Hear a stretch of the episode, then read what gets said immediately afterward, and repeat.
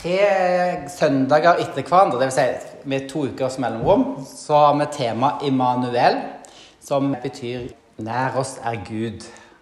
Dere kjenner kanskje det igjen fra i Matteus 1, som er et sitat fra Jesaja 7, der det står om en jomfru som skal føde et barn.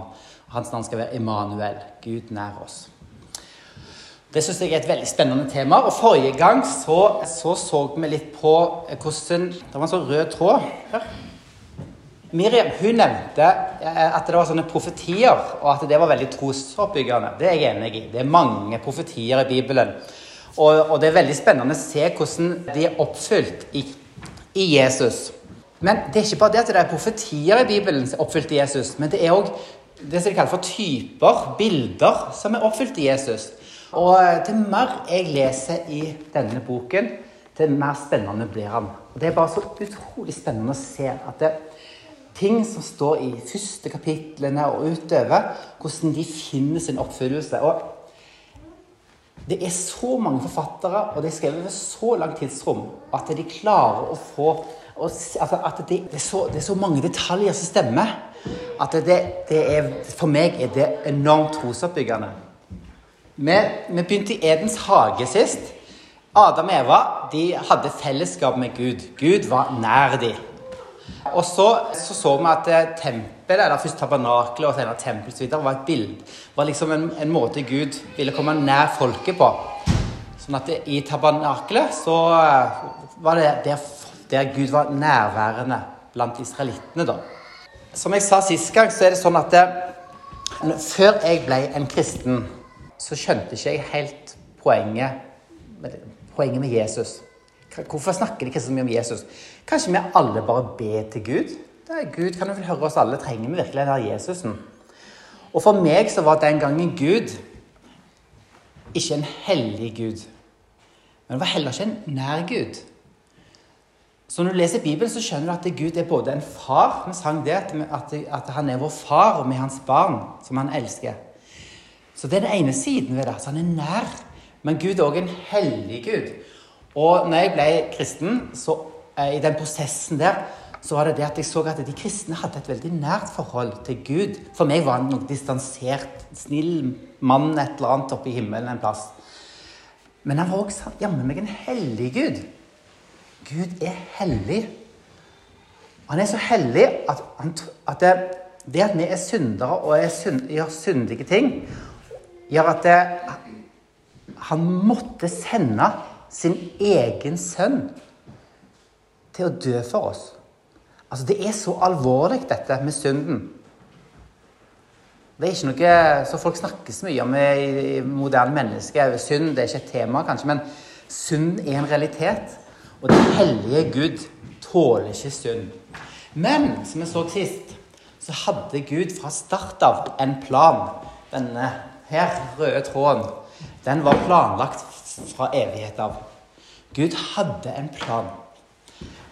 Selv om fellesskapet mellom Adam og Eva og Gud ble brutt, de ble kastet ut av Edens hage, så allerede fra starten så ser vi at Gud har en plan der han lover at han skal tråkke denne slangen under hælen, eller så han skal tråkke på hodet. Så han har en plan, eh, og eh, denne planen får vi se stadig mer hvordan blir iverksatt utover. Og sist så leste vi et veldig fint vers fra, fra 2. Mosebok kapittel 25. Og der står det La dem reise en helligdom for meg, så vil jeg bo midt iblant dem. Denne boligen og alt det som hører til den, skal dere lage nøyaktig etter den modellen jeg viser deg. Så her ser vi altså at Gud lover når israelsfolket de har kommet ut av Egypt, han lover dem at han skal være midt iblant dem. Så fellesskapet er på en måte på vei til å bli gjenoppretta. Men det er ikke sånn som det var i Edens hage ennå, at Gud vandra med dem, og de hadde et sånt fellesskap på den måten. Nei, nå var det et telt som de skulle sette opp. Et tabernakel, et møtetelt. Og der møtte han dem. Så Det skulle stå midt i leiren. Og, Moses fikk nøyaktige instruksjoner om hvordan, de skulle gjøre det, hvordan dette skulle bygges. Og så får de de ti bud. Eller som det egentlig står på hebraisk, de ti ordene. De ti ordene, de ti budene. Og eh, nå, Moses han er altså oppe på fjellet. Israelsfolket Se for dere dem. Hvordan hadde du tenkt hvis du var inne blant israelsfolket? Eh, du, har blitt, du har blitt ført ut av Egypt, du har vært i, i fangenskap, det har vært slaveri, du har slitt, og det har vært tøft. Moses har kommet, og han har eh, gjort disse plagene de har vært vitne til. Og så plutselig så kommer de, og de ser ut som alt er håp ute, men så bare bare deler havet seg, og de bare marsjerer gjennom. Går videre, og det er under med et vann som blir gjort fra bittert til drikk, drikkbart. Og så kommer de til dette fjellet her, da. Tenk det de har opplevd. Og så forsvinner Moses opp på fjellet. Hvor lenge er han på fjellet? Han er der i 40 dager. 40 døgn og 40 dager. Eh, og så, eh, så sitter de der Ja, hvor ble det av han? Han her Moses? Ja, faktisk, hør hva, hva de sier til, til, til Aron. Kom der, De begynte å bli litt usikre. Hvor ble det av han der Mosesen? Sier de, kom og lag en gud til oss kan for, som kan gå foran oss. For vi vet ikke hva som har skjedd med denne Moses. Mannen som førte oss opp fra Egypt. Jeg syns det er så rart. Denne Mosesen. Hvor det nå har blitt av han. 40 dager. Det er lenge, det. Nå sitter der på et fjell, med en fjellfot og venter. 40 dager. Nei da. Så da fant de ut at det, Nei, men du, Aron, han der Moses, han Vi glemmer. Du må lage en gullkalv til oss. Vi må ha, ha en. Så da står det at han tok imot gullet, øredobber eller sånn, formet det med meisel og støpte en kalv. Så ropte de dette er guden din Israel, som førte deg opp fra Egypt. Ja, Hvordan tenker du om dette? Eh, jeg har alltid tenkt at eh, nå De der dumme altså, Nå har de, de lager en gullkalv. Nå lager de sin ny gud. Nå skal de tilbe en ny gud. De bare lager sånn som folk gjør. De belagde seg guder. Nå skal de tilbe en gullkalv. Men det var nok ikke sånn de tenkte om det. Nei, nei, nei. Denne gullkalven her er, denne skulle representere den Gud som førte de opp av Egypt. Så de tenkte ikke at de lagde en ny Gud. De tenkte at ja, det er en Gud. Jave, han har født oss opp i Egypt. Nå lager vi en representasjon av han, og så tilber vi den. For Mosesen, han, han er long gone, som de sier. Så da står det Da Aron så det, bygde han et alter foran kalven og ropte ut I morgen er det fest for Herren. Dagen etter sto folket tidlig opp og ofret brennoffer og ba fram fredsoffer. De satte seg ned for å spise og drikke, og så begynte de å more seg. Altså, de bygde alt, eh, de bygde et alter, og, det, og det står det at det, i morgen er det fest for Herren. står det. Legg merke til at det, det ordet 'Herren' Hvis du ser i den nye oversettelsen, så er det skrevet med store bokstaver. Og det, det har oversetterne jo for å vise dere at nå oversetter de ordet Jave. Jave, han, altså Jave Gud. Herren.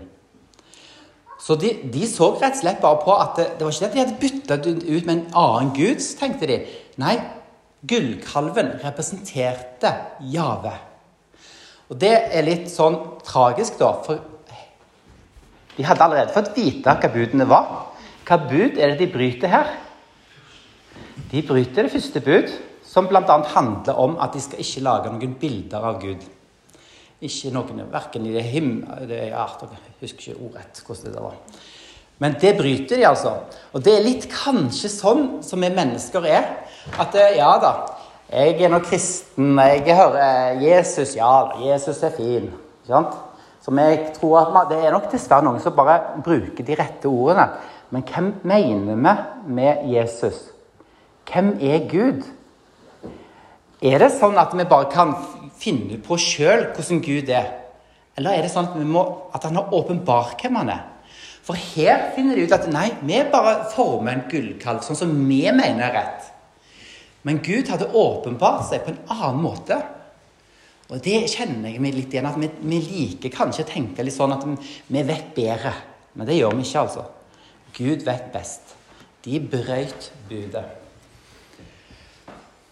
Eh, det er litt morsomt. De moret seg. Det hørtes jo veldig gøy ut. Hadde dere lyst til å være der? Sånn. De moret seg. Vi liker jo å ha det morsomt. Ja, Det hebraiske ordet så står det betyr egentlig noe sånn som å le. For eksempel eh, Sara, når hun fikk høre at, eh, at, hun skulle bli med barn, så lo hun. står det. Det er det samme ordet. Ha-ha-ha. Sånn. Lo. Så det er litt sånn, litt sånn eh, eh, Det er ikke det at de bare hadde en fest, men det, det tok litt av, og de begynte å, å, å eh, Paulus han sier i første Korinterbrev at, at de begynte å danse rundt kalven. Altså de begynte å danse. Så eh, noen tolker det sånn at det utviklet seg til en orgie, rett og slett. Så det var iallfall ikke bra, det som skjedde der. Så får Moses vite dette her. Han er på fjellet 40 dager. Så sier Gud til ham Du, nå har de nede der så har de begynt også, De har lagd sin kalv, og de har begynt å tilbe den. Og så, og og så eh, og, og, Moses han ble jo rusta, selvfølgelig, men han, han, jo, han, går jo i forbønn for dem. For, for, Gud sier til dem at eh, Men du, vi bare, vi bare kutter ut de israelsfolket. Du, Moses, du kan få lov til å gå inn i landet. Israel. Du skal få landet. Bare, så bare glemmer de der folka. De er håpløse. De tilber den der gullkalven nå. De, de, de lyver jo ikke. Så, og, så, eh, må du ikke tolke det sånn at, det, at Gud bare at, Gud tenk, at dette var egentlig det Gud ville. For han sa at du, Moses, de, de, de skal nå de skal vi kutte ut. Moses, jeg skal bare ta dem vekk. Hører du hva jeg sier? Så, liksom, nå må du be for folket. Nå må du vise at du er en leder. Nå, så gjør Moses det. Han ber for dem. Og så at, han, at, de, at, de, må få lov til å komme i landet likevel. Så går Moses ned. Hva er det han ber med seg ned? Tavlene, ja. Jeg lurer på hvor store de var. jeg tipper de var sånn, sånn, sånn, sånn men det er, ikke, det er, jo ikke, så godt å vite. Men han bærer de ned, og så sånn Se for deg kommer gående ned, sånn, og så ser han, og så Der ser han gullkalven. Oi, oi, oi. Så blir han faktisk ganske sint. Og så Hva gjør han? Han, han knu, kaster de fra seg, de knuser. Tenker, jeg har alltid tenkt Moses, alvorlig talt, her har Gud skrevet på noen fine tavler med sin egen hånd. Og så bare kaster du de fra deg. Det, du, det er jo frekt. Har du tenkt sånn? Hvorfor gjør du det, Moses? Du må ikke gjøre sånn. Det er jo Guds Det er jo, de, det er jo loven. Det er jo de ti bud. Du kan ikke bare kaste de. Men poenget er at det, Jeg nevnte litt forrige gang at det, når Gud inngår en pakt Altså, når folk gikk inngikk pakter generelt på den tiden, så var det sånn at de skrev ned paktene ofte på leirtavler. Da lagde de alltid to tavler. Det er samme tekst som sto begge. Dette snakket vi om sist gang. Så nok, De ti bud sto på den ene tavla, og de ti bud sto på den andre. Begge tavlene var en kopi. altså De var helt like. Og så tok de, de, de som gikk inn pakten, altså avtalen, de tok de med seg. Jeg tok min med, og du tok din med. Og så pleide de ofte å stille de fram inni, inni helligdommen sin. Som et vitnesbyrd på pakten de har inngått. Men nå kommer Moses gående ned. Så ser han hva de holder på med, og så blir han ganske idle. nidkjær på Guds vegne, og så knuser han de. Og Grunnen til at han knuser de, er fordi at han ser at pakten allerede er brutt. Og når pakten er brutt En måte å bryte pakten på er å, å vise at den er brutt, det er å knuse tavlene. Så da gjør Moses det. Han ser jo med egne øyne. Pakten er brutt. Men så er det så utrolig eh, oppbyggelig å lese at det, eh, Moses han fer opp på fjellet igjen. Og så går han jo forbønn for disse folkene. Og så får de en ny sjanse. Fordi at eh, budene blir lagt på nytt igjen. Og får nye tavler med budene igjen. Og dette, dette er altså Bare tenk på med deg sjøl. Ja, Gud, den synden skal jeg ikke gjøre igjen. Jeg lover. Ja, Og så går det hvor lang tid går det før du bryter løftet ditt? Men Gud gir en ny sjanse. Så du får en ny sjanse hos Gud. Det gjør Israels folk òg. En ny sjanse. Hele andre del av, av andre Mosebok er, er, strukturert for å vise at det er en ny sjanse. Jeg skal fortelle deg at det, Når du kommer ut i kapittel 20, der, så er det løftet om Guds nærvær. Det jeg leste fra dere i stad. Han skal ta bolig blant dem. Det er det første som står. Så er det instruksjoner om hvordan tabernakelet skulle se ut. Det er ganske detaljert. Så skriver Gud om sabbaten, eller Moses skriver om sabbaten.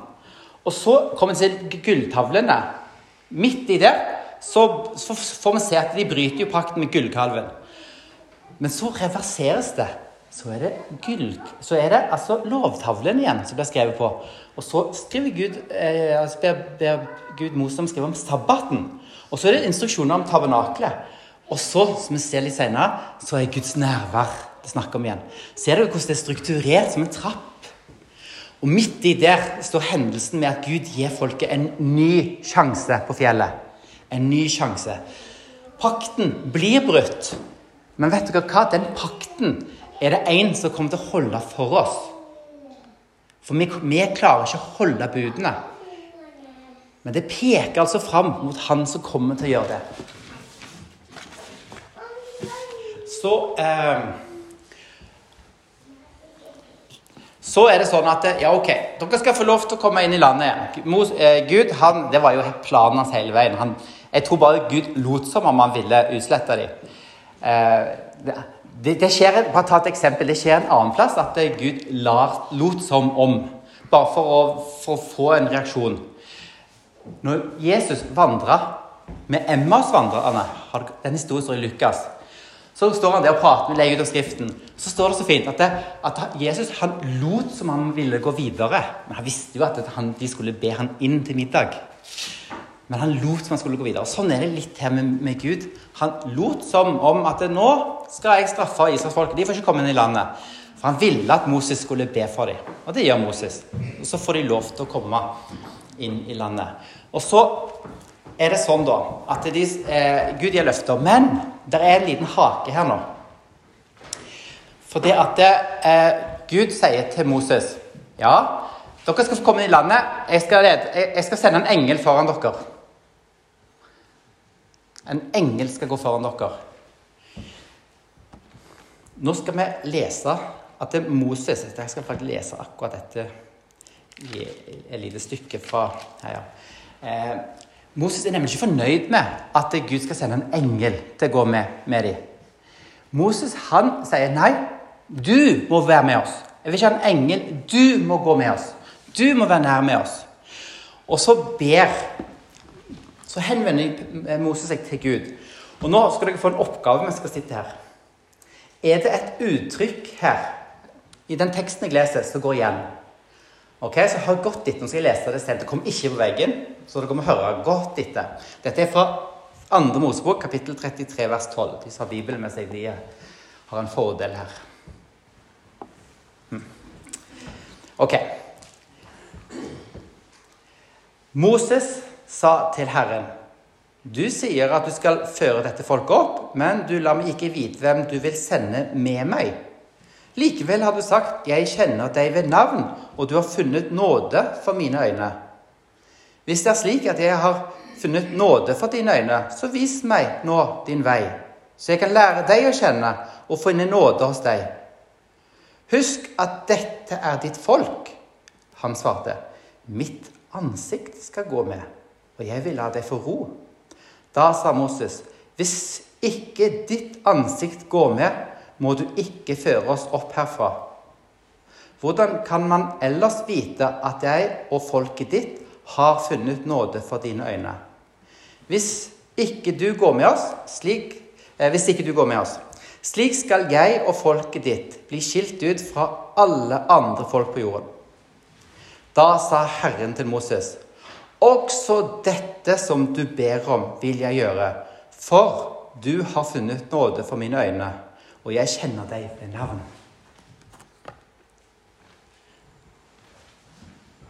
Ja, fikk dere med dere hva uttrykk som gikk igjen og igjen og igjen og igjen? Fem ganger, faktisk. Når Moses ber til Gud, så ber han ikke bare du. Du må være med oss, og du må være med oss, for vi er så fint folk, og dette du, du, Dette blir bra. Kom igjen, bli med oss. Nei, han sier fem ganger Hva uttrykk var det? Nåde. Men ikke bare nåde. Har funnet nåde for mine øyne, eller dine øyne. Fem ganger gjentar han det. Han appellerer til Guds nåde. For Moses vet at dette folket sitt og han sjøl, de er ikke verdig det. Det er nåde. Alt er av nåde. Ja. Her er ute og synker. Der! Han har funnet nåde for Herrens øyne. Det ordet 'nåde' det er på hebraisk et, Hebraisk er et ganske ordfattig språk. Det er ikke mange ord. 3000-5000 ord ca. på bibelsk hebraisk. Men akkurat ord, nåde, der er det mange ord som beskriver det. som gir ulike nyanser. Og Det ordet som står for nåde, det, det betyr noe sånn som favør. At det viser godhet mot oss på tross av. altså. Det viser favør. Så slutter jeg av i vers 17. Nå skal jeg lese vers 18, for der står det rett og slett bare La meg få se din herlighet. Det er en ganske modig bønn, da. Altså, Jeg vet ikke hvordan du ser på Gud, hvordan Gud er, men å be om å få se Guds herlighet, det er Hvis du ber om det, skal du vite hva du ber om egentlig. Guds herlighet er en en fryktinngytende herlighet. Det er den hellige Guden snakker om. Moses ber om for å se Guds herlighet. Men Gud sier, 'Du kan ikke få se ansiktet mitt, for et menneske kan ikke se meg og leve.' Det sier Moses, nei, Gud til Moses. For Gud er så hellig oss. Han kan ikke bare få se på Guds herlighet. Så gjør Gud en deal med ham da. Han sier, 'Still deg i klippen her, mellom kløften, så skal jeg gå forbi deg. Og så skjuler Gud han, så han holder foran, så han ikke får se han. Men akkurat når han har gått forbi, så får han se litt sånn gløden av bak når han går. Så han får se en del. Og så sier, så sier altså Gud noe når han gjør dette. Han går forbi. Og dette er kanskje noen av de viktigste versene i Mosebøkene, vil jeg si. Han sier Herren gikk forbi ham og ropte Herren er Herren en barmhjertig og nådig Gud, sen til vrede og rik på miskunn. Og Her møter vi en frase som eh, Hvis du slår opp i Bibelen, så ser du at den frasen der, en barmhjertig og nådig Gud, ja, og sen til vrede òg, den går igjen mange ganger i Bibelen. Jeg bare plukka ut noen få her. Her, her er f.eks. fra Salme 103, vers 8. Der sier salmisten Barmhjertig og nådig er Herren, sen til vrede og rik på miskunn. Herren er nådig, står det i Salme 148, og barmhjertig, sen til vrede og rik på miskunn. I Joels profeti, vend om til Herren deres Gud, for Han er nådig og barmhjertig, sen til vrede og rik på miskunn, og han kan angre på ulykken. Og faktisk eh, En annen litt artig sak da, det er at det, dette, dette, lå plutselig sånn inni ryggmargen på folk. De visste at det, Gud har åpenbart seg som en Gud som er barmhjertig og nådig. Sen til frede. At eh, når Jonah ble kalt til å være profet og gå til Ninive og forkynne omvendelse Og han nekter jo å gjøre det, prøver å komme seg til Spania isteden, for det er det sikkert mye finere den andre veien. Men hvis dere kjenner historien, så vet dere at etter mye styr, så havner etter vært i havet, i fiskens buk og slutt opp igjen, bla, bla, så havner han til slutt borte på Ninive. Og så før han nesten har fått åpna munnen sin, så vender de om. Og så blir Jonah eh, Han blir rett og slett dritsur. Og han sa, 'Hva var det ikke jeg visste?' Du er barmhjertig og nådig og sen til vrede. Dette her lå i ryggen. De visste det. Sånn har Gud åpenbart seg for menneskene. Han er sen til vrede. Det ordet som er, oversatt med 'barmhjertig', det betyr sympati, medfølelse og nådig. Eh, det, og, og, nåde, det betyr ufortjent godhet. Eh, så er det en annen frase som òg går igjen i Bibelen. Da går vi ned der. Det er miskunn og sannhet. Eh, det er eh, ble, det, det, her, her møter vi motsatt ting. At det er et noen hebraisk er så rike at det, når oversetteren skal oversette, så må de bare gjøre et valg. De må ta en, en nyans. Men jeg skal ta det ordet 'miskunn' først. Det er et kjempeviktig ord. Det er så viktig at det, eh, Jeg skulle nesten ønske at de aldri oversatte, de bare skrev det på hebraisk. Det er noen ord de gjør det i Bibelen. F.eks. 'amen'. Dere vet hva 'amen' betyr? Amen? Du vet det? Amen? Det, Det er det de sier i Trøndelag. Sant, ja? Ikke sant? Ja, Så vi kan noen hebraiske ord. Det er akkurat det ordet for, som blir oversatt miskunn, skulle jeg nesten ønske at de bare ikke oversatte. Man bare måtte bare lære hva det betydde, for det er så rikt. Det ordet er chesed. Chesed. Og det er altså miskunn, eh, eh, kjærlighet, godhet. Det innebærer så mye. I en del engelske oversettelser så oversetter de det med 'unfailing love' eller 'steadfast love'. Altså stødig kjærlighet, trofast kjærlighet. Og jeg, skal bare jeg, har, jeg har lest en gang et kjempegodt eksempel på For det, ble, det ble, ble, kalt for Guds eh, eh, paktsgodhet mot oss. Det ordet der. Nå skal jeg fortelle dere. Hvis du kjører nå bil og så eh, borte en, eller annen plass her, så, på heiene, så står det en med bilen som har fått, eh, trenger hjelp. Så er du, du, du, er god, du er en snill person, så du tenker jeg stopper opp og hjelper personen. Det er vanlig godhet. ikke sant? Men eh, se for deg en annen situasjon. Du, på, du skal kjøre på et jobbintervju, og så har du eh, ti minutter til jobbintervjuet begynner. Du ser en person i veien som har, trenger hjelp, men det jobbintervjuet der er så viktig. Jeg tror du kjører forbi. Det er sikkert noen andre som kommer og hjelper. Tror du du tenker sånn? Dere hadde gjort det, ikke sant? Dere hadde kjørt det jobbintervjuet. Der kommer sikkert noen andre og hjelper. Men se nå for deg at du er på veien, du kjører, og så står det en person der med et flatt egg. Du har jobbintervju om ti minutter, og det er din ektefelle som står der. Hadde du kjørt forbi? Å, nå Hadde du kjørt forbi? Ikke svar. Ikke svar. Nei, du hadde ikke kjørt forbi. Du hadde ikke det. Du, hadde, du måtte stoppe. Fordi at den pakten du har med din ektefelle, den på en måte forplikter deg til å vise godhet. Og det ordet resed er sånn. Guds resed er hans pakts godhet. Han viser godhet pga. pakten han har med oss. Han har bundet seg til oss, sånn at han vil stoppe og hjelpe oss når det går galt for oss. Og så er det sannhet. Det hebraiske ordet der er emed, som betyr sannhet. Men det er fasthet eller eh, trofasthet. Så han er trofast. Ok. Så eh, Salme 85 er ofte et eksempel som bruker disse, som viser For dette det er litt sånn det er et veldig fint vers. Der står det miskunn og sannhet skal møte hverandre. Rettferd og fred skal kysse hverandre. Så Her har de overtatt ordet resed med miskunn. Miskunn, resed og emet. Og det er sånn at det, eh, Gud kan vise oss godhet pga. Jesu verk på korset. For han har, han har deala med problemet vårt. Derfor kan han òg være trofast og sannheten. Ok, jeg ser tiden går. Eh, I siste kapittel i Andre Mosebok så står dette. Det var et løfte i kapittel 24, eller hva det var. Og nå kommer vi ut i kapittel 40, og der er det ikke bare løfte om at Gud skal være nærværende folket, men her ser vi det, oppfyllelsen. Der står det altså Så dekket skyen eh, telthelligdommen, og Herrens herlighet fylte boligen. Moses kunne ikke gå inn i telthelligdommen fordi skyen hadde tatt bolig over den, og Herrens herlighet fylte boligen. Å, tenk å se det!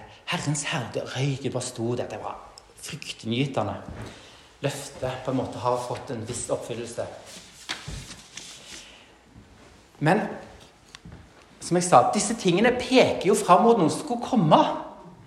Og Nå skal, nå skal, jeg ta dere med på en liten, liten runde til Johannes-evangeliet for å vise hvordan dette er oppfylt i Jesus.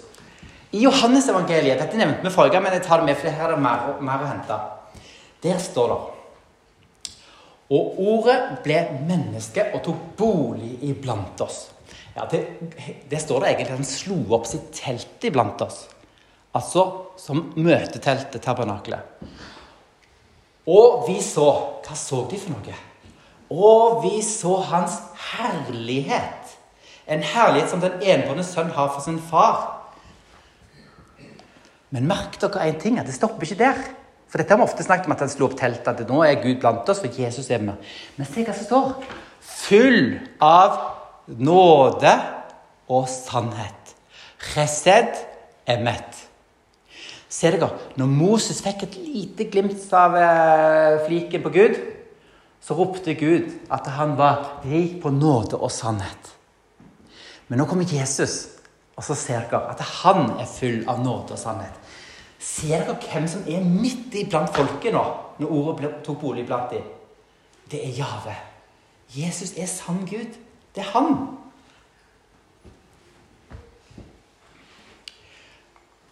I vers 16 i Johans evangelium så står det nemlig av hans fylde har vi fått, alle fått, nåde over nåde. For loven ble gitt ved Moses. Nåden og sannheten kom ved Jesus Kristus. Ingen har noen gang sett Gud. Nei, for det kunne ikke Moses. Det var jo samme, samme sammenheng, det. Han kunne ikke se Gud og leve. Ingen har noen gang sett Gud. Men den enbårne, som er Gud, og som er i fars favn, han har vist oss hvem han er. Ser du Jesus, så ser du Guds herlighet. Når Jesus gjorde sitt første tegn i Kanaan Dere vet det der. Jeg vet det, men jeg liker det ikke. Underet. Han gjorde vann til vin, var ikke det? Så står det Dette var det første tegnet Jesus gjorde det var i Kana i Galilea. Han åpenbarte sin herlighet. Og disiplene hans trodde han. Johannes 11, etter at han har vekt opp eh, eh, Lasarus fra de døde, og han var gravlagt, så sier han da til eh, Det er vel til Maria dette Sa jeg ikke at hvis du tror, skal du se Guds herlighet. Jesus ville demonstrere sin herlighet ved at han reiste Lasarus opp fra de døde. Og vi tar en til. Johannes 17. Far, du har gitt meg dem, og jeg vil at de skal være der jeg er, så de får se min herlighet. Den du har gitt meg, fordi du elsket meg før verdens grunnvoll ble lagt. I Jesus er Guds fylde komplett. Altså, Jesus er sann Gud. I Jesus er sannhet, emmet, rettferdighet. Han er det som oppfyller alt dette. Israelsfolket fikk en ny sjanse, men i Jesus så har vi den fulle nåde. Den synden du gjorde i går, som du gjorde i forgår, og som du aldri klarer å la være å gjøre, samme hvor mye du prøver, gang på gang på gang. Og du har kanskje, kanskje noen til og med felt ei tåre pga. det. Vi har en Gud som har sona synden for, vår, for oss. Han er full av nåde og sannhet. Den Gud er ikke bare en sånn snill og mild Jesus. Det er den hellige, fryktinngytende Gud. I all sin herlighet. Men det er en hellig Gud. Viste, Jesus har vist oss hvem han var. Og siden vi snakker om røde tråder, la oss da ta siste bok i Bibelen. Hva står det der? Johannes' åpenbaring. Byen var bygd som en firkant. Ok, Dette er litt vanskelig, men dette er litt morsomt å se. for Det så, det er en sånn matematikkoppgave. Byen er bygd som en firkant. Den var like lang som den var bred. Med målestangen målte han byen. Den var 12 000 stadier lang og like bred og høy. Det var matematikk. Type, hvordan, hvordan, var den byen forma? Som en kube, ikke sant? Ok, Er det noen andre plasser i Bibelen vi finner en kube? Noe som er like langt, bredt og høyt? Er det en annen plass i Bibelen det er omtalt? Ja, jeg kan fortelle deg at det er i det aller helligste. Det aller helligste i tempelet, det var forma som en kube. Byen er forma som en kube, står der. Fordi at det nå, i det nye Jerusalem, så er Guds herlighet sånn som det var i det aller helligste. Fullstendig til stede. Ser dere hvor fint det er? Den dagen dere står der framme, så står dere ikke ute i forgården, men vi er i byen. Vi er der Guds hellighet var. I det aller helligste. Der er han. Noe tempel, står det faktisk, så jeg ikke i byen. For Herren Gud, den allmektige, og lammet er dens tempel. Og byen trenger ikke lys fra sol eller måne, for Guds herlighet lyser over den, og lammet er dens lys. Det fins bare én vei til frelse. Det er gjennom Jesus. Men den veien, den frelsen, er så stor at det, det, jeg er så glad for at, at jeg hører Han til. Tenk for noen løfter vi har. Og hvis du ikke hører Han til, så vil jeg bare si kom til, for Han er nådig. Han står med armene åpne. Full av nåde og sannhet. Gode Gud. Takk, Jesus, for alle løftene. Men takk for din godhet, din herlighet. Takk at vi får være nær til deg pga. ditt verk på korset. Fyll oss, Herre, med din ånd, så vi kan se enda mer av deg. Amen.